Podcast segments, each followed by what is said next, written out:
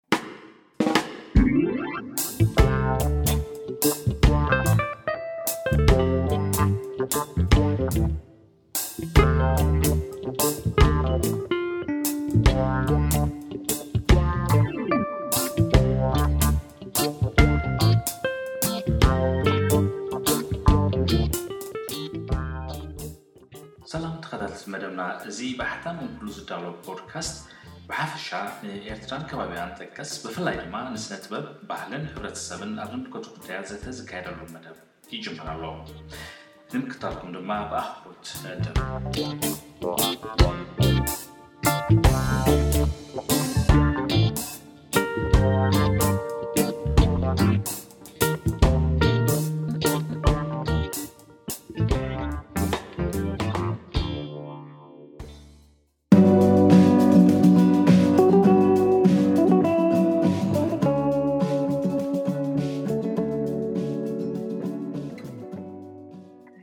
ኣለኹ እታ ወርሒ እኳ ብጸሊም ደበና ኣካላን ብርሃናን እንተተሸፊና ተኸዊላ እምበር ሞይታ ንብላ ዲና ድብዝዝ እንተበለት ከም ዝተታኸሰት ብርሃና ከይሕባ እናተቓለሰት ወትሩ ኣለኹ እንድያ ትብል ተስፋ ፈታዊኣ ምእንቲ ከይተምስል። ከምኡ ድማ እዚ ዒግታ ትኪ ምስ እልቢ ንፋሱ ኣዒንተይ ኣንቢዑ ትንፋሰይ ዓቢሱ ሞተይ ከርእየኒ እንድዩ ተበጊሱ። ኣጽኒቑ ኣጽኒቑ ነይተርፍ ምንፋሱ ኩሉፍ ከብለኒ ዕድመይ ከሕጽረለይ ካብታ ዝርካባ እንተቖርመመለይ ትኪ ወዲ ትኪ ዘይውዳእ ዝመስል ከም ዝፈተወኒ እንተበለኒ ዕስል ካብቲ ውሽጡ ጽባሕ ጊሓት ካብ ጥሽ ከም ዝወጸት መርዓት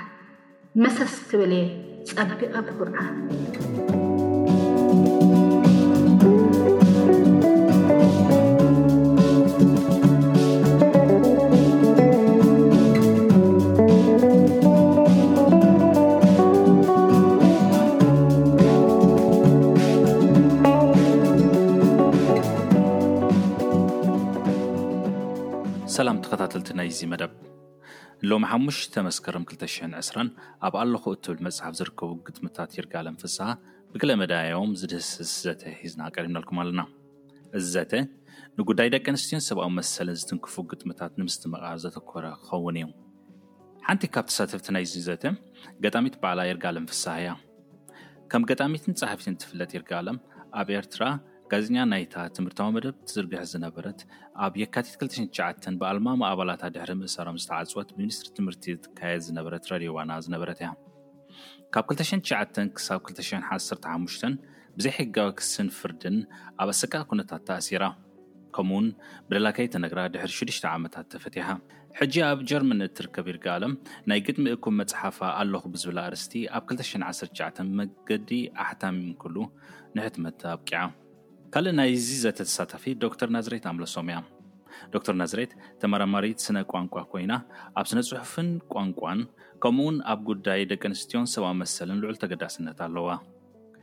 ካብ መወዳእታ ትሸዓታት ክሳብ ቀዳማይ መፋርቕ ትሽሓት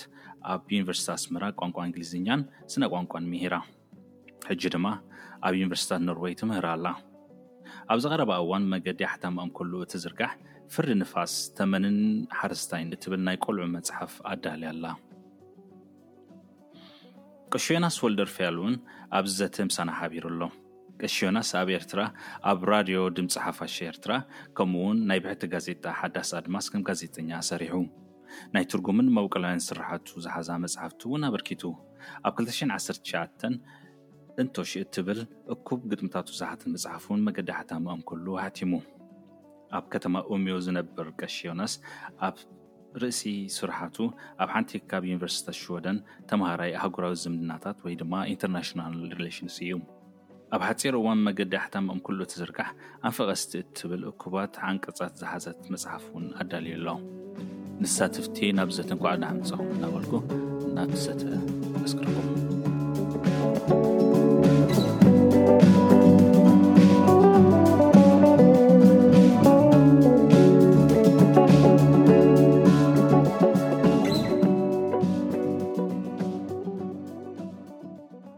ንሰለስቲኹም እንኳዕ ዳሓን መጻኹም እብል የቀኔልና የቀኔልና ናይ ዕድመ መጀመርያ ብሓፈሻ እዛ ኣለኹ እትብል መጽሓፍ ከመይ ረኺብኩማ ብትሕዝቶኣ ኣነ ብወገነይ ማለት እዩ እዚ ዕድመ ምስ ገበርካለይ ከንብባ ጀሚረ ተቐዳማይ ክፋል ሓደ ብሓደ ተን ግጥምታት ኣንቢበየን እቲ ካልኣይ ክፋል ከዓ ካብተን ዝመረጽናየን ጀሚረ ከንብብ ጀሚረ ማለት እዩ ብሓፈሻ ክሪኦ ከለኩ እቲ ብዛዕባ ቋንቋ ዘለኒ ተገዳስነትን ብዛዕባ ስነ ፅሑፍ ዘለኒ ተገዳስነት ብዛዕባ ኣርእስትታት ማለት እዩ ብዛዕባ ሂወት ዝዓሙ ኣርእስትታት መፅሓፍ ዘለኒ ብጣዕሚ ዓብይ ልዑል ኣድናቆት እየ ሂበያ ማለት እዩ ንይርጋኣለም ልዕሊ ኩሉ ማለት እዩ ኣብ ግጥሚ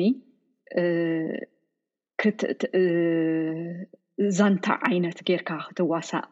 ምክኣል ሓደ ካብቲ ዓብይ ክእለት ገይረ ዝሪኦ ማለት እዩ ሓደ ካብቲ ዝተዓዘብክዎ ንኣብነት ክብል ኣብ ልምድና ከም ያታዊ ልምዲ ናይ ስነ ፅሑፍ ሓደ ፅውፅዋይ ንብሎ ማለት እዩ ንክትሓብኦ ትደሊ ነገራት ብግልፂ ክትዛረበሉ ዘይትደሊ ሓደጋ ከምፃእልካ ከምዝኮነ ትርድኦ ነገር እቶም ገፀ ባህርያት ብእንስሳ ጌርካ ንእንስሳ ተዛርብ ማለት እዩ ኣብ ሓደ ግጥምታት ናይ እርጋ ኣለም ከምኡ ተዓዚበ እዋ እዚ እቲ ያታዊ ቅዲ ናይ ፅውፅዋይ ዝሓዘ እዚ ናራቲቭ ንብሎ ማለት እዩ ፅውያ ምኳኑ ብጣዕሚ ኣድሚቀዮ እቲ ፅሑፍ ማለት እዩ ዘዘናግዕ ደረቅ ዘይኮነ ክርዳኣካ ዝክእል ግጥሚ እውን ሕቡእ ክኸውን ስለ ዝክእል እቲ ውስጠ ዘናቱ ሓደ ሓደ ግዜ ከተንብቦ ከለካ ክልተ ሰለስተ ግዜ ኣንቢብካ ኢካ ኩዒትካ ኢካ ክትረክቦ ትክእል ሕጂ እቲ ኣፀሓሕፋ ግልፂ ምኳኑ ክፉት ምኳኑ እሱ ብጣዕሚ ኣድኒቐዮ ማለት እዩ ብዘይ ገለ ጸገም ተሓጒስካ ከተንብቦ ትኽእል ኮይኑ ረኺበዮ ማለት እዩ ኣብ ኣርእስቲ መጺኤ ኸዓ እቲ እተልዕሎ እርግኣ ኣለም እተልዕሎ ኣርእስቲ እዋናዊ ኣርእስቲ ገገሊኡ እውን ሓደ ሓደ ግዜ ከንብብ ከለኹ ነቲ ዕለት ምስቲ ግጥሚ እናወዳደርኩ እዚስ ብሓቂ ድያ ኣብ ኤርትራ ኮይና ጽሒፋቶ ዝብለሉ ግዜ ብዙሕ ግዜ ነይሩ ማለት እዩ ትብዓት ናታ ማለት እዩ ናይ ተቢዓ እዚ ፀገም ኣሎ ንክትብል ኩነታት ናይ ዓድና ብኩሉ መዳዩ ክትፍትሾ ማለት እዩ ብዛዕባ ስደት ብዛዕባ ቁጠባዊ ፀገም ብዛዕባ ማእሰርቲ ብዛዕባ ባህላዊ ፀቅጥታት ኣብ ደቂ ኣንስትዮ ብዛዕባ ናፍቆት ናይ ስድራ ፀገማት ብዛዕባ ገድሊ ብዛዕባ ደቂ ኣንስትዮ ተጋደልቲ ዘይዳህሰሰቶ ኣርእስቲስ የለን ይብል ኣብ ልዕሊኡ ከዓ እቲ ብዛዕባ ፍቅሪ ትብሎ ከዓ ብዙሕ ነገር ማለት እዩ ኣብ ፍቅሪ ኣብ ፍቅሪ ዘሎ ላዕልን ታሕትን ፍትሒ ድዩ ክሕደት ድዩ ውላድ ድዩ ምስኣን ውላድ ድዩ እዚ ኩሉ ማለት እዩ ዝድህስስ ኮይኑ ረኪበ እዮ ስለዚ ብጣዕሚ ሰፊሕ ዝኮነ ኣርእስትታት ዝትንክፍ ሰፊሕ ናይ ሂወት መዳያት ዝዕሙቅ ርድኢት ዘለዎ እሞ ከዓ ሓደ ነገር ዘድነቕክዎ ከዓ ፊሎዞፈር ምዃና ማለት እዩ በቲ እትፃወቶ ቃላትን እቲ እትፃወተሉ ሓሳባትን ሓደ ሓደ ግዜ ከም ፀወታ እተምፅኦ ነገራት ዘሎ እሱ እውን ኣድኒቀዮ ከም ፊሎዞፈር እያ ብካልእ መንገዲ እውን ክትምርምሮ ተኮይንካ ናይ እርጋኣለም ግጥምታት ማለት እዩ እንታይ እዩ ርዲኢታ ብዛዕባ ሂወት ብዛዕባ ሞት ብዛዕባ ፍቅሪ ብዛዕባ ፅልኢ እንታይ እዩ ክስታያስ ዕሙቅ ብዝበለ መንገዲ ማለት እዩ ገለ ከዓ ብጣዕሚ ኣብ ንእስነታ ዝፃሓፈቶ ግጥምታት ኣሎ ንዑኡ ክሪኦ ከለኩ እቲ ብስለታ ዕምቆት ርዲኢት ናይ ሂወት ዘለዋ ክርዳእ ክኢለ ማለት እዩ። ኣብዚ ከብል ምእንቲ ዝተረፈ ክንቅጽሎ ማለት እዩ በብ ሓደቲ ኣርእስትታት ክንኣቱ ከለና። ሕራይ እታ ቀሪባ ዝነበረት ሕቶ ሓፈሻዊ ትዕዝብቲ ብዛዕባ እኩብ ግጥምታት ናይ ይርጋኣለም ፍስሃ ኣለኹ ትብል መጽሓፍ ከመይ ረኺብካዮ ንዝብል ከም ሓፈሻዊ መእተዊ ዶክተር ጽቡቕ ጌራ ገሊጻቶ እያ ዘትርፈትለይ እውን የለን ሓደ ሓሳብ ጥራይ ክብል ዝደሊ ኣብታ ስያሜ ናይታ መጽሓፍ ተንጸባሪቑ ዘሎ ኮይኑ ይስምዓኒ እታ መጽሓፍ ብነብሳሲ ትሕዝቶኣስ ኣብቲ ኣለኹ ዝብል ኣብኡ ዝንጸባረቕ ኮይኑ ይስምዓኒ ምስ ህላወ ብምትእስሳር ማለት እዩ እቲ ህላዌ ናይ ርግ ኣለም ኣብ ግዜ ቁልዕነታ ይኹን ኣብ ግዜ ማእሰርቲ ይኹን ድሕሪ ማእሰርቲ ኣብ ስደት ይኹን ብሓደ በዚ ጠመተ እዚ ተዳሪእናዮ ማለት እዩ በቲ ማሕበራዊ መዳይ ሕጂ ዶክተር ክጠቕሶ ፀኒሓ ነራት ናይ ደቂ ኣንስትዮ እቲ ባህላዊ ፀቕጢ ይኹን እቲ ብልጫታት ይኹን ኩሉ ብዝተፈላለየ ኣርእስቲ ሰፊሕ ዝኾነ ኣርእስታት ተንኪፉ ዘሎ መፅሓፍ እዩ ኣነ ምስ ምንታይ እየ ምእንቲ ከይደግሞ ነቲ ሓሳብ ኣሰልቻዊ ምእንቲ ከይከውን ኣብቲ ህላወ ወይ ኣብቲ ኣለኹ ዝብል ኣብኡ ብዙሕ መዳይ ናይ ህይወት ተገሊጹ ኣሎ። ናይ ቁልዕነት ይኹን ናይ ንእስነት ይኹን ከምኡ እውን እቲ ናይ ቤት ማእሰርቲ ይኹን ናይ ወላዲ ይኹን ናይ ውሉድ ይኹን ናይ ዓርኪ መሓዛ ይኹን ብዙሕ ነገር ዝሓቑፈ ዘጠቓለለ መጽሓፍ እዩ። ከምዚ ከነንብቦ ከለና እቲ ገለ ገሊኡ ኣነ ከኣ ስለ ዝፈልጦ ኣቐዲመ ቅድሚ ምጽሓፉ ኣብ ኤርትራ ከለና ስለ ዝፈልጦ ነቲ ግጥምታት እቲ ግዜ የዘክረካ እቲ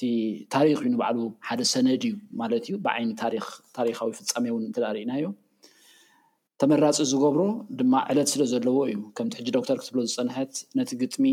ምስቲ ዓመተ ምህረት ኣተኣሳሲርካ ክትሪኦ ከለኻ ነቲ ዝመጽእ ዘሎ ወለዶ ገለ ታሪኻዊ ሰነድ ዘዘንቱ ድማ እዩ ኢለ ኣይ ቲንክ ብኡ ከቋርጾ ይሕሸኒ መስለኒ ዳሕራይ ኣብቲ ነፍሲ ወከፍ ግጥሚ ክንዛረብ ከለና ገለገለ ሓሳባት ምእንቲ ክንህብ ብዙሕ እዋን ደርፍታት ትግርኛ ንደቂ ኣንስትዮ ብሄዋን እንዳመሰልካ ከም ጠላም ወይ ከም መስድዒት ምጥቃስ ዝውቱር እዩ። ነዚ ኣምር እዚ ኣብ ግጥምታት ይርጋለም ከመይ ረኺብኩሞ? እወ ሓንቲ ካብተን ሄዋን ትብል ማለት እዩ ግጥሚ ኣብኣ መሰረት ብምግባር ክዛረብ ሄዋን ኣዕሪፋ ትብል ማለት እዩ ንዓይ እታ ግጥሚ እቲኣ እንታ ኮይና ትስምዓኒ እርግኣለም ጓል ኣንስተይቲ እቲ ዝተፈርዳ ፍርዲ ማለት እዩ ፍትሓዊ ከምዘይኮነ ንሳ ጥራሕ ዘይኮነ ከዓ እቲ ፍርዲ እውን እቲ መርገም እውን ናብ ደቃ ሓሊፉ ዝብል እውን ክስታይ ስለ ዘሎ እሱ እውን ፍትሓዊ ከምዘይኮነ እሞ እቶም እቲ ሕብረተሰብ ኮይኑ ይርዳእኒ እቲ ንሳ መፀዋዕታ ትገብረሉ ዘላ ክሳብ ሕጂ እዚ ፍርዲ እዚ ቅኑዕ ኣይኮነን ንምንታይ እያ ክንዲ ህንጡይነት ዘርኣየት ክንዲ ንለውጢ ገስጋሲት ዝኾነት ተባዕ ክንዲ ዝኾነት ንምንታይ እያ ዘይፍትሓዊ ፍርዲ ተፈሪዱላ ኢሉ ዝተቓወመ ፍትሒ ክህባ ዝፈተነ እውን የለን ትብል ሕጂ እቲ ሓደ በቲ መፅሓፍ ናይ መፅሓፍ ቅዱስ ዝብለና ታሪክ ክንሪኦ ከለና ማለት እዩ እንታይ ይብል እቲ ህንጡይነታ ተባዕ ምኳና ንባዕሉ እቲ ብላዕ ምስ እቲ ሰይጣን ምስ ፈተኖም ወይ እቲ ተመን ምስ ፈተኖም ሲ እታ ንኣዳም ኣስሒታቶ ትበሃል እሞ ክሲ ድመፃ ንሳ ስለ ዝኾነት ሲ ህንጢይቲ ስለ ዝኾነት ክትፈልጥ ስለ ዝደልየት እያ ከምኡ ገይራ ስለዚ ንምንታይ ትቕፃዕ ዝብል ተቃውሞ ንኣምላኽ ተስምዕ ዘላ ኮይኑ ስምዓኒ በቲ ካልእ መንገዲ ከዓ ኣብ ሕብረተሰብ እውን ክሪኦ ከለኹ ነዚ ማለት እዩ ደቂ ኣንስትዮ ብሓፈሻ ንለውጢ ገስገስቲ ምዃነን ክፉታት ምዃነን ብከምኡ እየ ዝገልፀን ኣነ ብትዕዝብቲ ናተይ ማለት እዩ ኣብ ስደት ብፍላይ ክሪኦ ከለኹ እቶም ንባህሊ ዓትዒቶም ሒዞም ልጓም ገይሮም እዚ ባህልናን እዩ ከምዚ ክትኮኒ ኣይግበኣክን እዩ ከምዚ ክንከውን ኣይግበኣናን እዩ ኢሎም ዝበዝሕ ግዜ ናይቲ ኣባታዊ ባህሊ ተጣባቕቲ ኮይኖም ወይ ከዓ ሓለውቲ ንውሉድ ወለዶ ክተሓላለፍ ሓላፍነት ከም ዘለዎም ገይሮም ዝወስዱ ደቂ ተባዕትዮ ኮይኑ ስምዓኒ እተን ጓል ደቂ ኣንስትዮ ከዓ ካብ ባህሊ ወፂኤን ባህለን ገዲፈን ክበሃል ከሎ ዘይከውን ፍርዲ ከም ዝኾነ ካልእ ትርጉም ከምኡ ይህበኒ ንዓይ ዘይኮነ ዘይፍትሓዊ ፍርዲ ከም ዝኾነ እንታይ ደኣ እኳ ደኣ ኣብ ስደት መጺኤን ኣብ ዘይፈልጥኦ ባህልን ኣብ ዘይፈልጥኦ ልምድን ክመጻ ከለዋ ብትብዓት ዝገብርኦ ስጉምትታት ኣሎ ሓደ ካብቲ ዝጠቀስክዎ ማለት እዩ ደቂ ኣንስትዮ ኣዴታት ክርኢ ከለኹ ብዛ ዓዲ ማለት እዩ ክመፃ ከለዋ ሽርበ ተቆኒነን ቀሚሽ ገይረን ይመፃ ድሕሪ ቁሩብ ግን ናይ ግድን ምስቲ ዘለዎኦ ሕብረተሰብ ክመሳሰላ ኣብ ኣብ ሮማሲ ከም ሮማዊ ይኹን ዝብል ማለት እዩ ጥበብ ሒዘን ነቲ ሽርበአን ኣብ ክልተ ተደርሚመን ክሰርሓ ክወጻ፣ ቀሚሸንን ነጸለኣንን ገዲፈን ጎልፎን ጃኬትን ስረን ገይረን ክወጻ ክርእየን ከለኹ፣ እቲ እርግኣለም ብዛዕባ ደቂ-ኣንስትዮ ትብሎ ዘላ ትብዓት፣ እቲ ገስጋሲት ምዃና፣ ፈላሚት ናይ ለውጢ ምዃና፣ ንሱ የተሓሳስበኒ። እቲ ትብዕቲ ሓደ ካብቲ ፊሎዞፈር እያ ኢለ ኣብቲ መጀመርያ ኣብ ፍልስፍና ትኣቱ እያ ዘብለኒ ሓደ ነጥቢ ከዓ ንሱ እቲ ብድፍረት ይርግኣለም ፍትሓዊ ይኮነን ከምኡ ክትፍረድ ሄዋን ብከምዚ ክትፍርድ ፍትሓዊ ይኮነትን ኢላ ንኩሉ ኣብ ኣብቲ ካልእ እውን ብናይ ብናይ ጻዕሪ ብሕርሲ እት እትብሎ ማለት እዩ እቲ ጅግንነታ ብኡ ትገልጾ ኣሎ ክሳብ ክንደይ ኣብ መንጎ ሂወትን ሞትን ጠጠል ኢላ ሂወ ሂወታ ሂባ ሂወት እትህብ ጓል ኣንስተይቲ ምዃና ብኡ እውን ትገልጾ ትብዓት ናይ ጓል ኣንስተይቲ ምዝ ምዝኡ ምስኡ እውን ከተኣሳስሮ ይፍትን ማለት እዩ ስለዚ እርግኣለም ን ነታ ሄዋን ትብል ሽም ኣደ ሂወት ሂወት ትህብ ከምኡ ውን ፈላሚት ገስጋሲት ከም ዝኮነት ገይረ ዝርዳኣ እቲ ርግኣለም ትህባ ባህሪ ንሄዋን ማለት እዩ እሺ እታ ግጥሚ ሄዋን ኣዕሪፋ ትብል ዶክተር ናዝሬት ክትጠቕሶ ዝፀናሐት ሓሳባት ኣብ ቦትኡ እናሃለወ ከሎ ኣብ ገፅ ሚእትን ስሳን ሸውዓተን እያ ዘላ ምናልባት ንቶም ከንብብዋ ክከታተልዋ ዝደልዩ ማለት እዩ። ናይ ይርጋኣለም ግጥምታት ብሓፈሽኡ ብዛዕባ ንደቂ ኣንስትዮ ከመይ ወኪልዎም ኣብ ደርፊ ብዙሕ ግዜ ንደቂ ኣንስትዮ ዘናእስ እዩ ዝቐርብ እሞ ኣብ ናይ ይርጋኣለምከ ከመይ ረኺብኩሞ ንዝብል ትሕቶ ብኸመይ ተረዲኤዮ ዘለኹ ኣብ ርእሲ እዚ ዶክተር ዝበለቶ ድማ ኣብ ገጽ ትስዓን ሽዱሽተን ካብ ሄዋን ትብል ግጥሚ ኣላ ኣብኡ እንተ ርእናዮ ሲ እቲ እቶም ንሓንቲ ንፍዕቲ ጓል ኣንስተይቲ እቲ ብባህላዊ መገዲ ከድንቕዋ ከለዉ ሲ ሰብኣይ ወይ ከዓ ከምዚ ናይ ተባዕታይ ፆታ ገይሮም ክገልፁዋ ይፍትኑ እሞ ንሳ ድማ በቲ ፆታኣ ሕብንቲ ምዃና ዝገልፅ ግጥሚ ኣብኡ ተፃሒፍሎ ገፅ ተስዓን ሽዱሽተን ካብ ሄዋን ዝብል ማለት እዩ ንደቂ ኣንስትዮ ብብዙሕ መገዲ ወኪላተን ስለ ዘላቲ ናተን ፅባቐ ኣበርክቶ ኣብቲ ሕብረተሰብ እንታይ ዓይነት ተራ ከም ዘለዎን ብፍላይ ኣብታ ዶክተር ናዝሬት ዝጠቐሰታ ግጥሚ ሄዋን ኣዕሪፋ ትብል ንሄዋን ከመይ ገይራ ትገልፃ እታ ወትሩ ቅድሚት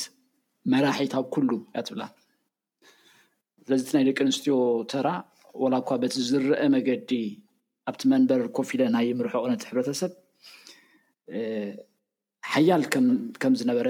ብዘይ ጓል ኣንስተይቲ ድማ ወርሓዶ ክብፃሕ ከም ዘይክእል ዘረኣየ ግጥሚ ኮይኑ እዩ ዝስማዓኒ ኣነ ክሪኦ ከለኹ ምስቲ ናታ ኣበሃህላ ድማ ይሰማማዕ ማለት ደድሕሪ ንፉዕ ሰብኣይሲ ሓያል ሰበይቲ ላንድ እዩ ዝበሃል እንታይ ማለት እየ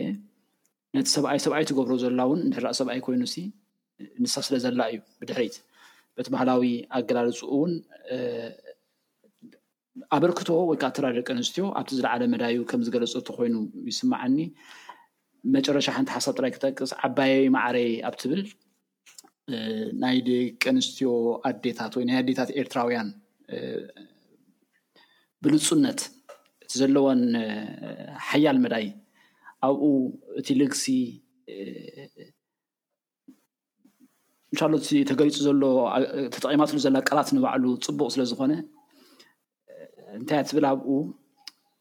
ንዓባያ ክትገልፃ ከላ ማለት እዩ ካብ መልክዕኪ ብግማዑ ካብ ሓልዮትኪ ገለ ካብ ልቦናኺ ፍርቁ ካብ ብልሕኺ ከፊለ እናበለት እያ ትገልጽ። እቲ ንሳ ዝወረሰቶ ማለት እዩ፣ እቲ መልክዕ፣ እቲ ሓልዮት፣ እቲ ልቦና፣ እቲ ብልሒ ጓል ኣንስተይቲ ኣብዚ ተገሊጹ ንሪኦ። ኣብ ብዙሕ መዳያት ናይቲ ግጥምታታ እውን ንጓል ኣንስተይቲ ኣበርክቶ ዝገልጽ ኣሎ ናይ ገድሊ ዝነበረ እዋን ጎርዞ ንእስነተይ ድያ ጎርዞ ቁልዕነተይ ትብል ግጥሚ እውን ኣሎ ናይታ ስውእቲ ዝገለፀቶ ናይ ደቂ ኣንስትዮ ኣበርክቶ ኣብ ኩሉ ኣብ ማሕበራዊ መዳ ይኹን ኣብቲ ናይ ቃልሲ ይኹን ጓል ኣንስተይቲ ሲ እቲ ካብ ወድ ተባዕታይ ብዝኾነ ይኹን መለክዒ ክትጎድል ክትንእስ ከም ዘይትኽእል ዝገለፀት ኮይኑ ይስምዓኒ ብኡ ዓይኒ እየ ዝጥምቶ ኣነ ሓንቲ ቃልላ ቴድሮስ ሓንቲ ኣ ካብ ሄዋን ትብል ማለት እዩ ኣብ ገፅ ተስዓን ሽዱሽተን ዘላ ኣቅድም ኣቢለሲ ይርግ ኣለም ብቃላት ትፃወተሉ ነቲ ቃላት ኢለ ጠቂሰ ነይረ እታ ንብምልኣታ ግጥሚ ማለት እያ ትርጉም ትህባ እታ ተባዕታይ ኢሎምኒ ኢላ ዘይተሓጎሰትላ እያ ማለት እዩ ንምንታይ ተባዕታይ ኢሎምኒ ሕጂ እንተርኢናዮ እቲ ቃል ባዕሉ ማለት እዩ ተባዕታይ ከም ተባዕታይን ኣንስታይን ኢልና ቃላት ክንፈጥር ከለና እቲ ተባዕ ተባዕታይ ካብቲ ተባዕ ይመፅእ እቲ ትብዓት ግን ኣብታ ግጥሚ እቲኣ ካብ ሄዋን እቲ ፃዕሪ ትገብሮ ዘላ እቲ ተባዕ እቲ ትብዓት ንሳ እያ ክትወስዶ ዝግባኣ ግን ክንዲ ንዓኣ ዝውክል ሽም ዝወሃባ፣ እቲ ናይ ወዲ ሽም፣ እቲ ናታ ሽም ንወዲ ተባሂሉ ተዋሂቡስ ናብኣ ክንጸባረቕ ከሎ ዘይናታ ኸውን። ሕጂ እቲ ንባዕሉ እቲ ቃል ማለት እዩ ተባዕታይሲ ካብ ተባዕ ዝወጸ ምዃኑ፣ ብኣንጻሩ እንታይ ክንብል ኢና ማለት እዩ ጓል ኣንስተይቲ ተባዕ ከም ዘይኮነት። ሕጂ እቲ ምጽዋት ናቱ ኣብቲ ግጥሚ ክሪኦ ከለኹን እቲ ቃል ትጥቀመሉ ዘላ ማለት እዩ ንባዕሉ እቲ ቋንቋ ከመይ ገይሩ እዩ ኣረኣእያና ዝሃንጽ እቲ ቋንቋ ከመይ ገይሩ ኣረኣእያና ዝቐርጽ እዩ ዘረድኣና ማለት እዩ ብዙሕ ቀሺ ዮናስ ሰብኣይ ኢሎም ጠቒሶማ ኦኬ ሰብኣይ ኢልና ሰብኣይቲ ክንብል ከለና ማዕረ ቃል እየን ማለት እዩ ካብ ሰብ እየን ዝወፃ ሰብኣይ ሰበይቲ ብሰዋስው እውን ክንሪኦ ከለና እዚ ተባዕታይ ግን ፆታዊ ማዕርነት ዘይሕሉ ቃል እዩ ንምንታይ ካብ ተባዕሲ ተባዕታይ ፍሉይ ንወዲ ዝወሃብ ማለት እዩ ሽም ይወፅእ ማለት እዩ ወዲ ታይ ኣይኮነን ማለት እዩ ወዲ ወዲ ዝኾነ ኣብኣ ከለክ እሞ ደይትምልልና ገለ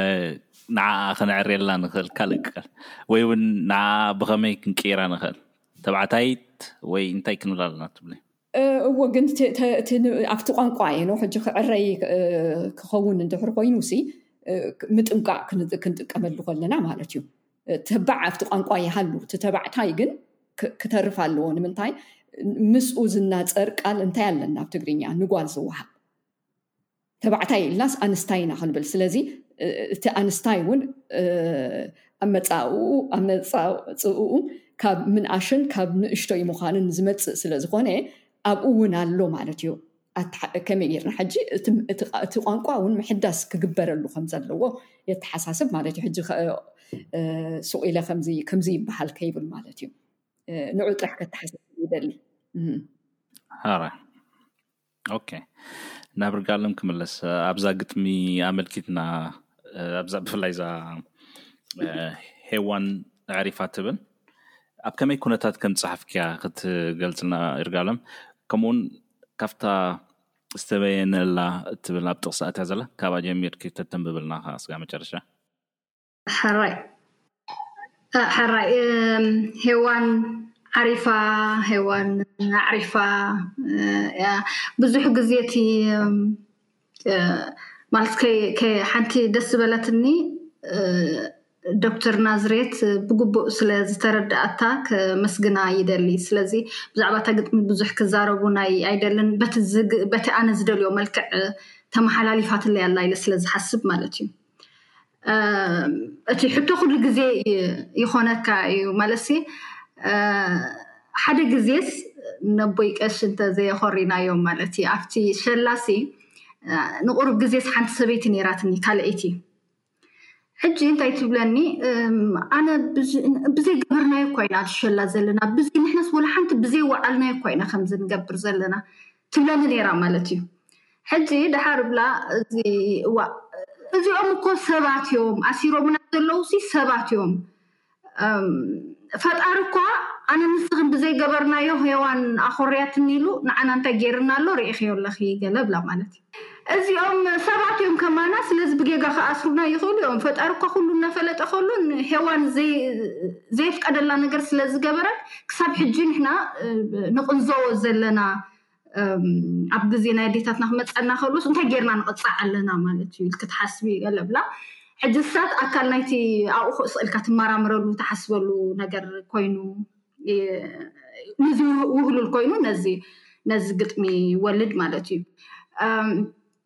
ብዙሕ ግዜ ከዓ ጓል ኣንስተይቲ ወላ ዝገበረቶ እንተገበረቶ ሲ ከም ቀይዲ ምብታኽ እምበር ከም ህንጥዩነትን ከም ንቕሓትን ከም ምግስጋስ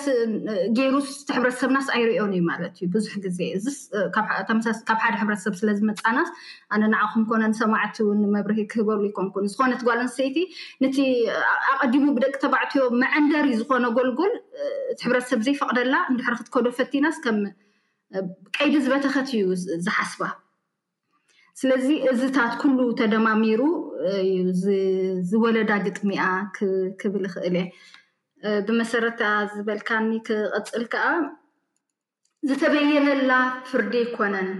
ውሉዳኸ ንምንታይ ትኹነን? ዝበለ ግን ሓደ'ኳ ኣይነበረን። ሄዋን በዓልቲ ኒሕ፣ ብምድላያ ለውጢ ዝኾነ ኣደዳ መቕጻዕቲ እናተጋጠመት ምስ ህይወት ምስ ጻዕራ ደማ እናኸዓወት ዓሪፋ። ኣዕሪፋ ሓደ ረፍዲ ናይ ሓንቲ ቀዳም ኣልቢስናያ ሓመድ ሄዋን ጸቂጥናያ እምኒ ኣዳም። ስለዚ ኣብዚ ውን እቲ እቲ እቲ እቲ እምኒ እዩ እቲ እቲ እምኒ እዩ ኣዳም እቲ እቲ እቲ ሓመድ እቲ ልስሉስ እቲ ምቹእ ገለስ ሄዋን እዩ። ንዓይ ወላ እውን ኣዳምን ይቕረታ ሓመድን እምንን ሲ እቲ ሓመድ ካብቲ እምኒ እዩ መፅኡ ማለት እዩ ካብ በይኑ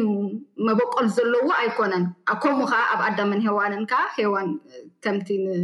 ንዝንተኦ ካብ መሰንገለ ናይ ኣዳም መፅያ ኣላ ማለት እዩ እቲ ሓመድ እውን ካብ እምኒ እዩ ተሓማሽ እቲ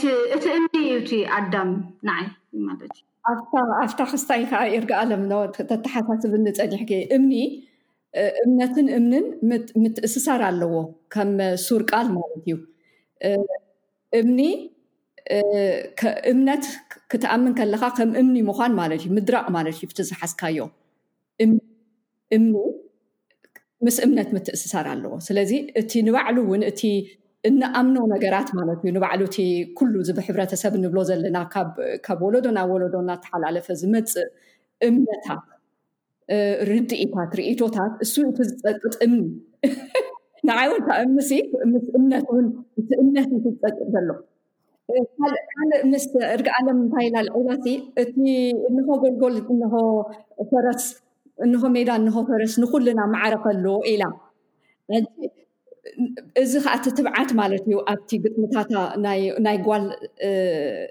ይርግኣለም ማለት እዩ ከም ዝበዝሕ ግዜ ብዛዕባ ናታ ተመክሮ ምኳኑ ወይ ከዓ ትዕዝብታ ምኳኑ እቲ ግጥምታታ ይርድኣኒ ማለት እዩ መርዓት ዳኖይን ኣበላ ክልተ ሓረግ ምስ መርዓ ወይ ከዓ ምስ ምፅማድ ዝተሓሓዛ እንዴን እታ ቀዳመይቲ ብፍላይ ምስ መርዓ ዛውና እያ መስለኒ ዝተሓዝ ኣብኣ ኣተኪርና ኣበን ክልቴን ኣብዘን ክልቴን ኣተኪርና ተራ ክልቲኦም ፀወታታትን እቲ ባህልን ከመይ ከም ዝሳነ ወይ ብኸመይ ቀሪቡ ኣሎ ብዚ ርእቶ ከተትብና ቀሺ ዮናስ። ምምልላስ ምእንቲ ከይከውን ኣብቲ ከይነኾርዮኩም ኢላ ዘኾረየትና ሓሳብ ክሓድጎ እሞ ንዕኡ ኣብዛ መርዓት ዳኑይ ትብል ሕጂ ዝሓተትካኒ እቲ ባህላዊ መዳይ ናይ ጾታ ናይ ጓል ኣንስተይቲ ወይ ናይ ወዲ ተባዕታይ ከመይ ተንጸባሪቑ ኣሎ ንዝብል እታ መርዓት ዳኖይ ዝክራኤ መጀመርያ ከተቕርባ ከላ ግጥሚ ኣብ ካልእ ቦታ ኣቕሪባታ ትኾነ እንድዒ ግን ኣብ መንደፈራ ኣብ ማህጸን ስነ ጥበብ ሲተጋጌ ኣብኡ ከተቕርባ ከላ ይዝከረኒ ማለት እዩ። ከምዚ ዶክተር ትንግፍ ኣቢላቶ ዝነበረት መብዛሕትኡ ግዜ ኣብዚ ናይ ፍቕሪ ሕቶ ክኸውን ከሎ እቲ ወዲ እዩ ዝሓትት ወላ በቲ ዝጸንሐ ባህሊ እውን እንዳ ወዲ እዮም ዝሰዱ ንሳ እውን ከም ዝበለቶ ዳሕራይ ስድራኻ ስድራኻ ስደድ ገለ ዝበለቶ ምስ መጨረሻ ማለት እዩ ኣቦታትካ እንጊሆም ይምፅኡ ትብሎ ማለት እዩ ንሳ እያ ትሓትት እቲ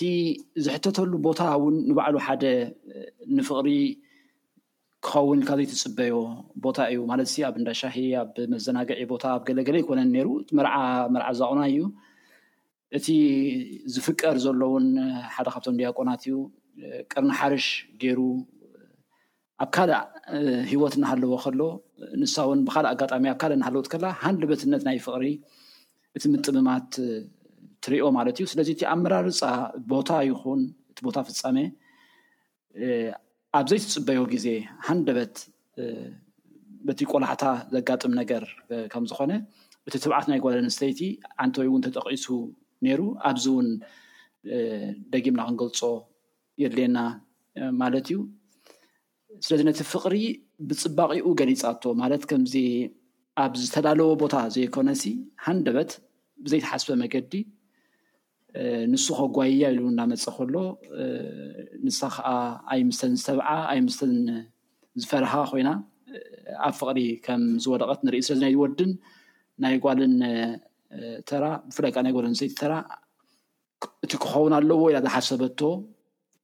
ደቂ ኣንስትዮ ከምዚ ክተብዓ ኣለወን ድሌታትን ንምግላፅ እውን ክተብዓ ኣለወን ኢላ ብዝሓሰበቶ ነቲ ወዲ ቻለንጅ ትገብሮ ትብድሆ እያ ማለት ጥላሕ ኢልካ ንሞቃሕታ ይፍለጥ ከይተደናጎኻ ስለጥ ደኣ ስለጥ እናበለሲ እሳ ትደፍኦ እሳ ትሓቶ ንሳ ድሌታ ትገልፀሉ ማለት እዩ ንዶክተር ናዝሬት ክገድፈላ ኣብቲ ቃላት ምናልባሽ ዶክተር ናዝሬት ርእቶ ብዛዕባ እዚአን ቀሺ ዮናስ ብጣዕሚ ፅቡቅ ገይሩ ገሊፅዋ ማለት እዩ ሳያ ነይራ እታ ክብላ ዝሓሰብኩ ምስታ ይርጋ ኣለም ኣቅድም ኣቢላ ሲ ማዕረ ተዋሳእቲ እየን ትብለን ደቂ ኣንስትዮ ማለት እዩ ኣብዚኣ ሕጂ ወላ እኳ ሓደ ካብቲ ዘድንቆ ማለት እዩ ወላ እኳ ኣብቲ ናይ ባህሊ ዓንኬል እንከሎ እቲ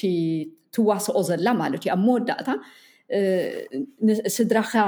ለኣኽ እያ ትብሎ ማለት እዩ ባዕላ ኣይኮነትን ክስታይ ክትበል ቀልጢፍካ ስድራካ ለኣኽ እያ ትብል ግን እቲ ኩሉ ክንሪኦ ከለና ግን ንሳ እያ እታ ቀዳመይቲ ማለት እዩ ትደፍእን ስምዒታ ትገልፅን እሞ ሕብሪ ብዝበዝሖ ውዑይ ብዝኾነ ኣብኡ ናይ ከበሮን ናይ ሳዕስዒትን ህሞትን ከሎ ማለት እዩ ናይ ዓይኒ ምጥማትን ብጣዕሚ እያ እታ ግጥምስ ሂወት ዘለዋ እያ ኮይና ዝረኽባ እንታይ ከዓ ሓስብ ነይረ እዛ ናይ ኢትዮጵያ ሓንቲ ውሪቲ ስነ ፅሑፍ ኣላ ማለት እዩ ፍቅር እስከ መቃብር ትብል ማለት እዩ እታ ናይ ዛቁናይ ፍቅሪ ማለት እዩ ኣብዓ እቲ ኣፍቃሪት ዛቁና እዩ ዝፍቀር ማለት እዩ እታ ጓል ግን ብባህሊ ስምዒታ ከይትገልፀሉ ቤተክርስትያን ተኸይድ ምእንቲ ድምፁ ጥራሕ ክትሰምዕ ትሃሌ ዝብል ሕልሚ ዝጥዕም ድምፁ ክትሰምዕ ጥራሕ ትኸይድ ንምንታይ ወለዳ ንዕኡ ክትምርዖ ስለዘይፍቀዱላ ክትምርዓው ኣይትኽእልን እዚ ግን ኣንጻሩ ናቱ የረዳእኒ ማለት እዩ በቃ ብጣዕሚ ድሌታ ክትገብር ትኽእል ሓያል ጓል ንስተይቲ ሰሚዒታ ከትገልፅ ትኽእል ትብዓት ዘለዋ ስምዒታ ከዓ ትፈልጥ ኮይኑ ይስምዓኒ ማለት እዩ ካብቲ ክንኮኖ ንደሊ ከም ደቂ ኣንስትዮ ማለት እዩ ንምንታይ ባህሊ ዝምህረና ትሕት ምባልን ምሕፋርን ብዙሕ ክስታይ ኣሎ ነዚ ኩሉ ክስታይ ገይሩ እዩ እዚ ግጥሚ እዚ ነዚ ኩሉ ስዒሩ እዩ ማለት እዩ እቲ ዝለዓለ ጥርዚ ናይ ናይ ጓል ኣንስተይቲ ርእሰ ምትእምማን ዘርእየኒ ንዓይ ማለት ዶክተር ይርጋለም ክልተ ኣብ ከመይ ኩነታት ፅሒፍኪያ ትኾኒ ከምኡ ድሕር ክኢልኪ ተንብብልና። ክልተ ሓረግ ክልተ ሽሕን ሸሞንተን እያ ተጻሒፋ ክልተ ሽሕን ሸሞንተን ክጸሓፍ ከላ ኣብቲ ገዛናስ ክስታይ እዚ ሕጂ እኳ ትህሉ ኣይመስለንን ግን ወይኒ ነይራ ሕጂ እታ ወይኒ ኣብቲ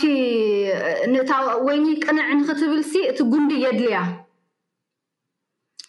እቲ ህይወ- እታ ህይወት ዘለዋ ግን ንሳ እያ ነይራ ማለት እዩ ሕጂ እቲ እቲ ጉንዲስ ከምዚ ሓደ ኩሩዕ ተደላይ እየ ኢሉ ዝሓስብ ተባዕታይ ካራክተር ኮይኑ ተሰሚዕኒ እቲኣ ወይኒ ከዓ ኣብቲ ዙርይኡ አ፣ ከይተሓለለት ት- እናዞረት እያ ትቐንዕ ማለት እዩ ሕጂ ነቲ ንሳ ነቲ ኩሉ ጽባቄኣ፣ ነቲ ትህቦ ኣገልግሎት፣ ነቲ ጣዕማ፣ ገለሲ በቲ ትኽ ክትብል ዘይምኽኣላ ጌሩ እዩ ዘንእሳ ማለት እዩ እቲ ዓንዲ። ሕጂ እዚስ ኣብ ፍቕሪ ኣምጺኤዮ ማለት እዩ። ከንብባ እሞ ደሓር ኣብኡ ገለ እንድሕር ክስታይ ኣለና ክንቅጽል። ክልተ ሓረግ እታ ሓረገ ወይኒ ዘለላኣ መዋናወኒ ጽባቐ እምበር ሓይሊ ዘይብላ ቅንዕ ክትብል ዓቕሚ ዝጎድላ ኣብቲ ጠላዕ ጉንዲ ክትጥምጠም ከሪማ ትሓጊ ሕቖ ደልያ እያ ከተንቃዕርር ላዕሊ ዝዓይነቱ ዛንታ ኣይተስማዕኒ ልቢ ይህበካ ኣለኹ ፍቕሪ ውሰድ ከምታ ኦም ነታ ሓረግ እናተጠምጠምኩኻ ኣይትተዓነድ እዚ ካባኻ ዝጽበዮ ኣይኮነን ክልተ ሓረግ ከመይ ዘይንኸውን ጥምጥም ንብል ከም ፍሕሶ መንጎና ንፋስ ከም ዘይሓልፎ። ኣብዛ ግጥሚ እዚኣ ኣትኲርና ንዘራረብ። ዳርጋ ክልቴናስ ሕደ ንኹን እያ ተስምዓኒ ንዓይ ግን እቲ ኣምር ክኸውን ዘለዎ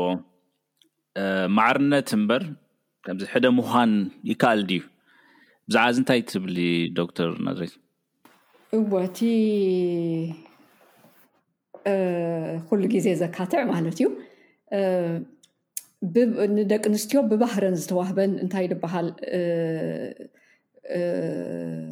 ተራ ማለት እዩ ዝፃወትኦ ተራ ብባህሪ ዝወሃበን የለን ዝብል ርድኢት ኣለኒ ማለት እዩ ኣብ ሓዳር እውን ከምኡ እንተኮይኑ ብባህሪ ግን ደቂ ተባዕትዮን ደቂ ኣንስትዮን ፍሉያት እዮም ዝተፈለየ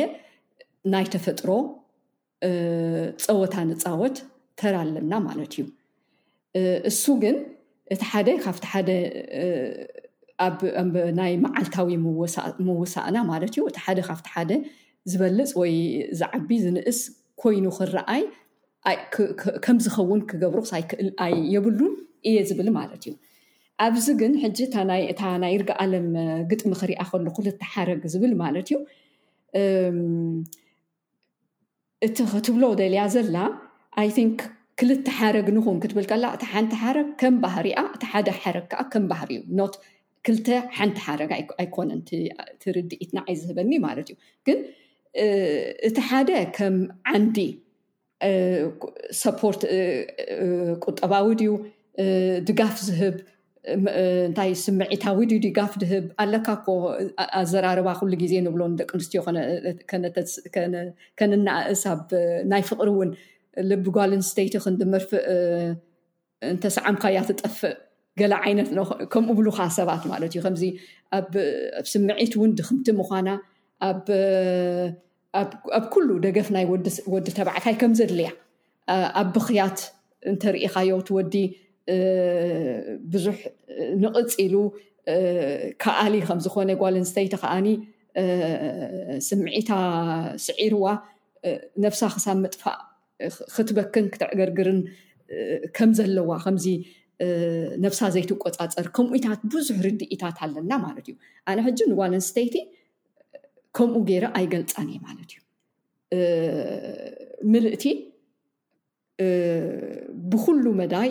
ንስምዒታ ኮነ ንሂወታ ኮነ ክትመርሕን ክትቆፃፀርን እትኽእል ፍጥረት ገይረ እየ ዝገልፃ ስለዚ በዚ እንተኮይኑ እምበኣር ኣብ ሓዳር ድዩ ኣብ ሂወት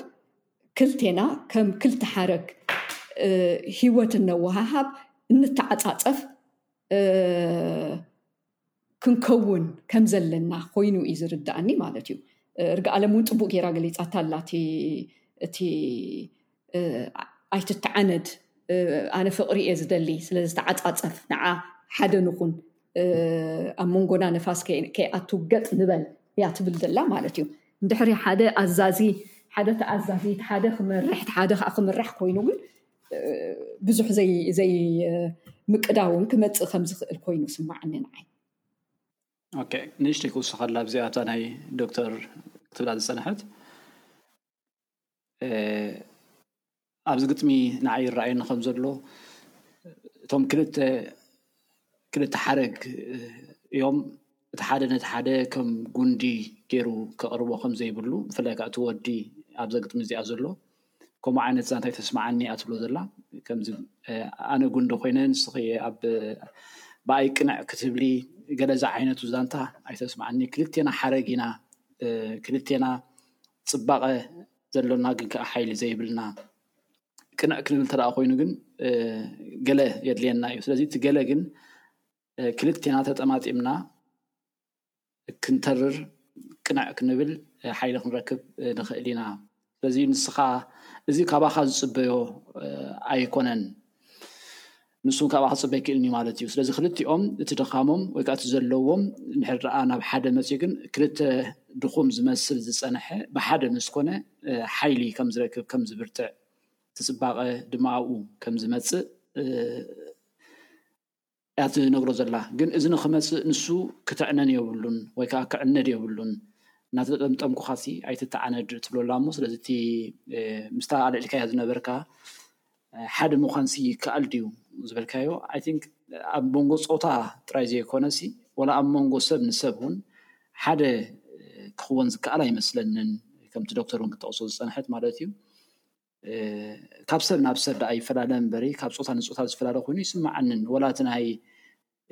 ሓፈሻዊ ክትዛረብ ከለኻ ደቂ ኣንስትዮ ስምዒተን ቀልጢፉ ሳይ ይገብረን እሞ ይበኽያ ንብዓት ይስዕረን ርህራሄ ድንጋጸ ኩሉ ግዜ ምስ ጓል ኣንስተይቲ ይኸይድ እወ ብርግጽ እቲ ባህላዊ መዳይ ተወሲኽዎ ከምኡ ክኸውን ይኽእል እዩ ግን ደቂ ተባዕትዮ ኮይኖም እውን እኮ ከምኡ ኣለዉ ስለዚ ኣነ እንታይ ምበልኩ ኣብ ክንዲ ብፆታ ነቲ ባህርያት ብሰብ ጥራይ እንተወሰድናዮ ሰብ ካብ ሰብሲ ገሊኡ ርህሩህ እዩ ገሊኡ ከዓ ጭክን ዝበለ እዩ ገሊኡ ነባዕ እዩ ገሊኡ ከዓ ከምኡ እዩ ማለት እዩ ስለዚ ሓደ ክኾን ዝከኣል ኣይመስለንን ይትረፍዶ ኣብ መንጎ ተባዕታይን ኣንስታይን ዘሎ ናይ ተፈጥሮ ፍልልይ ርኡይ ፍልልይ እንርእየሉስ ኣብቲ ሓደ ፍልልይ የብሉን ኢልና እንሓስቦ ኣብ ጓል ኣንስተይቲ ይኹን ኣብ ወዲ ተባዕታይ ይኹን እቲ ዘሎ ፍልልይ እውን ሓደ ክኽወን ይከኣል እዩ ዝብል እምነት የብለይን ክብል ደሊ ኦኬ ፅቡቅ ናብ ርጋለም ክምለስ ጎርዞ ቁልዕነተይ ትብል ግጥምኺ እቲ ኩልና ብናእሽ ኣብቲ ናጽነት ዝኾነሉ ግዜ ዝነበረና ምስሊ ናይ ተጋደልቲ ደቂ ኣንስትዮ ጽቡቕ ተቕርቦ እያ። ኣብቲ እዋንቲ ጓል ኣንስተይቲ ካብ ዝኾነ ወዲ ተባዕታይ ትንእስ ወይ እውን ብዝኾነ ዓቕሚ ትጎድል ኢልካ ኣብ ዘይተኣምነሉ ግዜ ርኢና ኢና ማለት እዩ። እሳትን መሰታ ኩሎም ደቂ ተባዕትዮ ተጋዲለን ልክዕ ከም ብጾትን ኩሉ ዝፅወር ፀየረን ክኣትዋ ስለ ዝረኣና እቲ ምስሊ እቲ ሕጂ ፅቡቅ ተንፀባሪቂ ኣለዎ ዳሕራይ እውን ብሕጊ ብገለ ብዙሕ ነገራት ተገይሩ እዩ ኣብቲ ኣብ ኤርትራ ኣብቲ ሓዳስ ኤርትራ ንኣብነት መሰል ውርሻ ናይ ደቂ ኣንስትዮ እቲ ማዕርነት ዝበሃል ነገራት ገለ ርኢና ኢና ሕጂ ግን ከመይ ኣሎ እቲ ክውንነት ክውንነት ኣብ ኩነታት ደቂ ኣንስትዮ ኣብ ኤርትራ ብዛዕባ እዚ እንታይ ትብሊ? እዋ ማለት ብዙሕ ግዜ እቲ ሓቂ ንምዝራብ ኣብቲ ንመሰል ጓል ኣንስተይቲ ምናልባት እውን ፅባቐ ናይ ጓል ኣንስተይቲ እቲ ብርታዐ ንቕሓት ከምቲ ኣብ ሄዋን ክንጠቕሱ ዝፀናሕና ዘይኮነስ ምሽፋን ትሕት ምባል ወላ እንዳፈለጠት ኣይፈለጥኩን ምባል ከም ፅባቐ ዝወስድ ክፋል ሕብረተሰብ እውን ኣይሰኣነናን እዩ ግን ማለት ኩሉ ግዜ ከዓ ነቲ ሕብረተሰብ ሕብረተሰብና ከምዚ እዩ ሕብረተሰብና ከምዚ እዩ ክንብል ጥራሕ ክንነብር ከዓ የብልናን ክንቅየር ንሕና ባዕልና ነረጋግፆ እዩ እቲ እቲ ብዙሕ ዘይብልና ነገራት ወይ ክንረኽቦ ዘይከኣልና ነገራት ሲ ባዕልና ነረጋግፆ እዩ ሕጂ ብዛዕባ ናይ ኣብ ኤርትራ ድሕሪ ኢልና ንዛረብ ኣለና ኣብ ኤርትራ ክሳብ ዘይሃለና እዚ ማለት ከዓ ብቐንዱ እቲ ህላወ ክንህሉ ከም ሕብረተሰብ ከም ዜጋታት ክንነብር ኣብ ሃገርና ክሳብ ዘይከኣልና ብዛዕባ መሰል ካብ እቲ ህይወት እቲ መሰልሲ እንተሃሊካ ብሂወት ሃገር እንድሕር ኣላትካ እዩ እቲ ትቕዋም ወይ ዝህልወካ እቲ ሕጊ ዝህልወካ ሕጂ ብመሰረቱ ከም ሕብረተሰብ ከምዚ ሕጊ መሰል ህይወት ወይቲ ርግኣት ንምምእራር ኣብ ፈቐድኡ ፋሕ ኢልና ዘለና ሕብረተሰብ ስለ ዝኾናስ ክምዘን ዝኽእል ከም እኩብ ኣብ ኤርትራ ከምዚ እዩ ዘሎ ወይ ከምዚ ይጎድለና ከምዚ ኣለና ንምባል ኣይደፍርን እየ ኣነ እቲ ንደቂ ኣንስትዮ ኢሉ ዝቆመ ማሕበር ደቂ ኣንስትዮ ከዓ ክሳብ ዝተወሰነ ግዜ ብቀረባ እውን ይከታተሎ ስለ ዝነበርኩ ፖለቲካዊ ማሕበር እምበር ንደቂ ኣንስትዮ መሰል ደቂ ኣንስትዮ ከረጋግፅ ዝቆመ ማሕበር ኮይኑ ተሰሚዕኒ ኣይፈልጥን ኣይኮነን ከዓ ኢለ ዓው ኢለ ዝዛረበሉ ነጥቢ ብነጥቢ እውን ክዛረበሉ ስለ ዝኽእል ማለት እዩ ስለዚ ከም ስርዓት ናይ ኤርትራ ሲ ኣብ ደቂ ኣንስትዮ ይኹን ኣብ ዝኾነ ዜጋ ግን ፀገም ዘለና ስለ ዝኾነ እታ ጓል ኣንስተይቲ ኣካል ናይቲ ናይ ኤርትራ ሕብረተሰብ ኮይና ኣብ ወፅዓን ሽግርን ዘላ ብፋሕጠርጠር እዚ ናይ ሂወታ ንምውሓስ ትጋደል ዘላ ዜጋ ናይቲ ሃገር እያ ማለት እዩ ኢለ ዝሓስብ ካብዚኤን ኣይወፅን እየ ስቲል ኣበን ክምለስ እየ ኣብዘን ጎርዞ ቁልዕነተይን ፋኑስ ትብልን ኣብ ናይ ዶክተር ርእሶም ሃይለ ግጥሚ ንሓንቲ ኣላ ፍቕረይ ወዲኤ ገለ ዝብለሉ ግዜ ማለት እዩ እቲ ግዜ እተረኣየሉ ንሱ እትተኣሳሰር ኮይና ስማዕኒ እታ ፋኑስ እቲኣ ሓንቲ ብምውላዳ እታ ሓንቲ ከዓ ብዘይምውላዳ ዝፍጠር ገለ ስምዒት ኣሎ ኣብዚ እንታይ ትብሉ ዶክተር ናዝሬት ከምኡውን ቀሽ ዮናስ? ኦኬ እሞ ጅምር ኣለኹ ኣነ ኣትዋ ኣለኹ ኦኬ ኣነ ኣብተን ግጥምታት ክዛረብ ተኮይነ ማለት እዩ እታ ብፍላይ ንጉብዝናኣ ንጉርዝነታ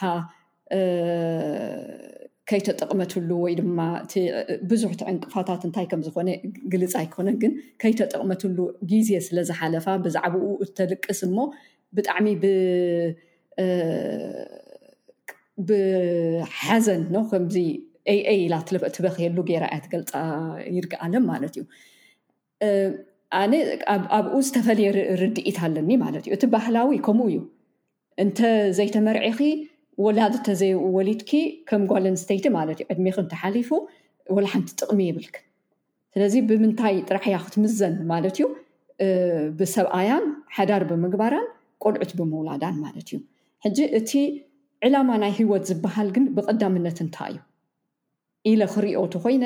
ንሱ ጥራሕ ድዩ ክመዝነኒ ንዓይ ከም ጓል ኣንስተይቲ እሱን ድሕሪ ዝበዝሕ ግዜ ኣብ ሕብረተሰብና ንሪኦ ማለት እዩ ኣብ ዕድሜኣ ኣብ ትምህርቲ ዘሕለፈቶ ጓል ኣንስተይቲ ተኾይኑ ብዙሕ ፀርፍን ብዙሕ ምንኣኣስን ይወርዳ ሕግታት እውን ንዕኡ ዝምልከት ንዓኣ ዝሃሲ ኣሎ። ንኣብነት ኣነ ኣብ ኣስመራ ዩኒቨርሲቲ ክምህር ከለኹ ማለት እዩ ናይ መማህራን ገዛ ዝዕደል ነይሩ። እቲ ናይ መማህራን ገዛ ክዕደል ከሎ ግን ሓዳር ዝገበሩ እዩ ዝወሃቦም ይበሃል ማለት እዩ። ሕጂ ብዓይኒ ፍትሒ ክትሪኦ ተኾይንካ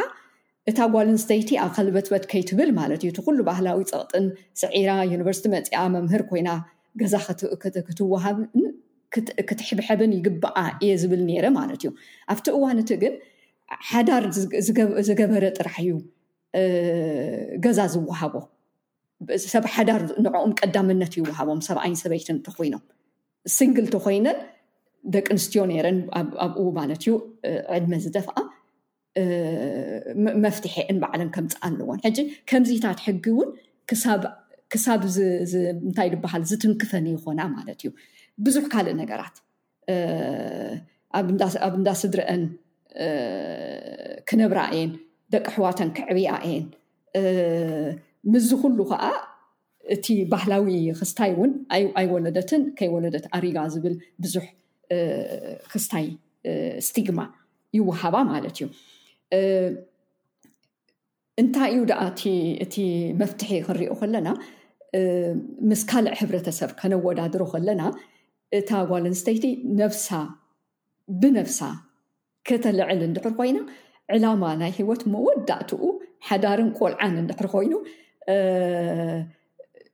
ብመን ኢና ክስታይ ከነብሎ ማለት እዩ ቆልዓን ሓዳርን ሃልዎ ብፅቡቅ ዘይኣልዮ ሰብ እውን ኣሎ ስለዚ እሱ እውን ሞይቱ ማለት እዩ ሕጂ ቆልዓን ሓዳርን ምህላው ሲ በበይኑ እዩ እቲ ሓላፍነትን እቲ ተወፋይነትን ናይቲ ሰብ እውን ስለዚ ብኡኡ ክምዘና የብለንን ንምንታይ እያ እታ ጓል ጉብዝናኣ ስለዝዓሪቡኒ ኢላ ከይተጠቐምኩሉ ኢላ ስለትሓስብ ተልቅስ ትበኪ ንሱ ቁሩብ ኦቨር ደ ቦርደር ከምዚ በቃ ተስፋ ቆርፀት ኮይኑ ተሰሚዑኒ ንዓይሲ ከምዚ ዝሃንፀኒ ኮይኑ ኣይተሰማዓንን ማለት እዩ ከም ጓል ኣንስተይቲ በቲ ካልእ መንገዲ ከዓኒ እቲ ምውላድ እውን ቆልዓ ምምፃእ እውን ንጓልኣንስተይቲ ማዕረ ወዲ ተባዕታይ እንድሕሪ ክትወዳደር ኣብ ሕብረተሰብ ኮይና ሕጂ ኣብ ዘለናዮ ዓለም ክርኢ ከለና ማለት እዩ ዝበዝሕ ግዜ እንድሕሪ ቆልዓ ወለዳ ንሓደ ዓመት ንኣብነት ኣብ ዕረፍቲ ናይ ቆልዓ ምዕባይ ክትፀንሕ እያ እቲ ወዲ ተባዕታይ እንድሕሪ እቲ ዕረፍቱ ክልተ ወርሒ ሰለስተ ወርሒ ጥራሕ ኮይኑ ስርሑ ተመሊሱ ኣብ ስርሑ ብዙሕ ዕቤት ይገብር ሕጂ ኣብ ዘለኽዎ ስራሕ ኣከደሚክ እንድሕሪ ኮይኑ ስራሕካ ክልተ ሰለስተ ኣርቲክል እንድሕሪ ፓብሊሽ ጌሩ ኣብቲ ግዜ እታ ጓል ኣንስተይቲ ኣብ ገዛ ኮይና ቆልዑ ትዕብየሉ ዘላ ንሱ ተጸባጺቡ ቅድሚኣ ኣብ ፕሮፈሰር ምዃን እውን ክበጽሕ እዩ ማለት እዩ ስለዚ ንጓል ኣንስተይቲ እቲ ንሕብረተሰብ እትህቦ ዘላ ኣበርክቶ እቲ ዝዓበየ ሕብረተሰብ ንክቕፅል ምግባር ቆልዓ ምውላድ እዩ ግን ብኡ ከዓ ከም ግለሰብ ትቕፅዕ ኣላ ብዙሕ ሓለፋታት ንወዲ ዝግበረሉ በቲ ኣበርክቶ ንሳ ኣብ ናይ ቆልዓ ምዕባይ ግዜ ከትሕልፎ ከላ ንሱ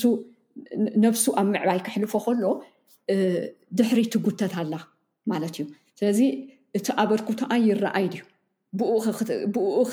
ሓለፋታት ክግበረላ ይግባእ ድዩ ኢልና ክንዛረብ ንኽእል ማለት እዩ ስለዚ በዚ ሪኦ ማለት እዩ እቲ ምውላድ እውን ከም ዕንቅፋት ክትሪኦ ወይ ዘይምውላድ እውን ከም መርገም ክትሪኦ ዝብል ማለት እዩ እሞ እታ ጎርዞ ቁልዕነተይ ትብል ኣነ ዝያዳ ብኣ ዝያዳ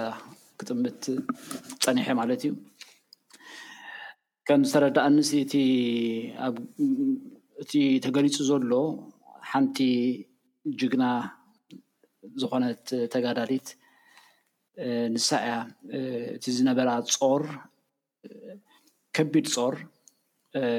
ተሰኪማቶ ዘላ ማለት እቲ ዝረአ ፆርን እቲ ዘይረአ ፆር ኣብ ውሽጣ ዘሎን ንሱ ምእንቲ ምእንቲ ርስቲ፣ ምእንቲ ፍትሒ፣ ምእንቲ እቲ ናጽነት ኢላ ዝኸፈለቶ ዋጋ ሕጂ እቲ ሕቶ እታ ግጥሚ መጀመርያ ብሕቶ ከምታ ፈለማ ትህልው ዶ ሎሚ ኢላና ትጅምር ወላ ክትውድእ ከላ እውን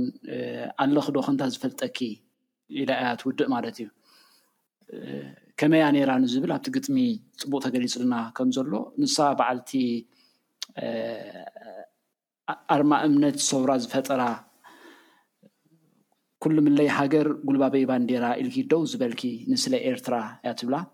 ንስለ ኤርትራ ክትብል እቲ ዕድመ ንእስነታ እቲ ኩሉ ነገር ከቢድ ዋጋ ከምቲ ዝበልክዎ እቲ ዝረአን ዘይረአን ጾር ተሰኪማ ዝሓለፈት እያ ሕጂ እቲ ጻዕሪ እቲ ንመሰል ንምርግጋጽ ይኹን እቲ ዝግበር ናይ ደቂ ኣንስትዮ ማዕርነት ንምርግጋጽ ይኹን መሰሉ ብዓቢኡ ነታ ኤርትራ ከም ኤርትራ ንክትህሉ ዝነበረ ጻዕሪ ተወፋይነት ገለሲ ከም ቀደምኪ ዶ ኣለኺ ከምታ ከምታ ዝርእየኪ ዝነበርኩ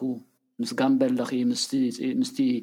ተወፋይነትኪ ምስቲ ቅሩብነትኪ ምስቲ ንምቾትን ጣዕምን መኒንኪ ስለ ሃገር በጃ ክትኮኒ ገለ ዝብልሲ ከምኡስ ኣለኺ ዶ ኢላሲ ነቲ ጽባቐ ናይ ኣበርክቶ ናይ ገድሊ ወይ ናይ ጎለንስተይቲ ተራ ትገልጽ ዘላ ኮይኑ ተሰሚዑኒ ናታ ጎርዞ ቁልዕነተይ ክረ ኣብታ ናይ ፋኑስ ውን እቲ ናይ ጓል ኣንስተይቲ ትረኽቦ ጸገም እዩ ተገሊጹ ዘሎ ንሳ ከዓ መፍትሒ ተናዲ ነይራ ማለት እዩ ክሳዕ እቲ መጨረሻ ከምዚ ኢዳ ውን ኣይሃበትን ኣብራ ከኣ ኣጽፊፋ ጭብጥ ኢላ ግን እናዕለለት ምስ ወርሒ ትዘውር ነይራ እናበለትሲ እቲ ጠቕላላ ኢዳ ከም ዘይሃበት ግን ከኣ ከም ዝተበደለት ተርኢ እያ እታ ናይ ፋኑስ። እምበኣርከስ ክቡራት ተኸታተልቲ እዚ ቀዳማይ ክፋል ዘተ ብዛዕባ ግጥምታት ይርጋለም ፍስሃ ብፍላይ ኣብ ጉዳይ ደቂ ኣንስትዮ ዘትኮረ እዩ ነይሩ። ናይዚ ዘተ እዚ ካልኣይ ክፋል ኣብ ቐፃሊ መደባና ክንዝርጋሕ እዩ እሱ ድማ ኣብ ጉዳይ ሰብኣዊ መሰል ዘትኮሩ ግጥምታት ዝድህስስ ክኸውን እዩ ክሳብ ሽዑ ሰሰና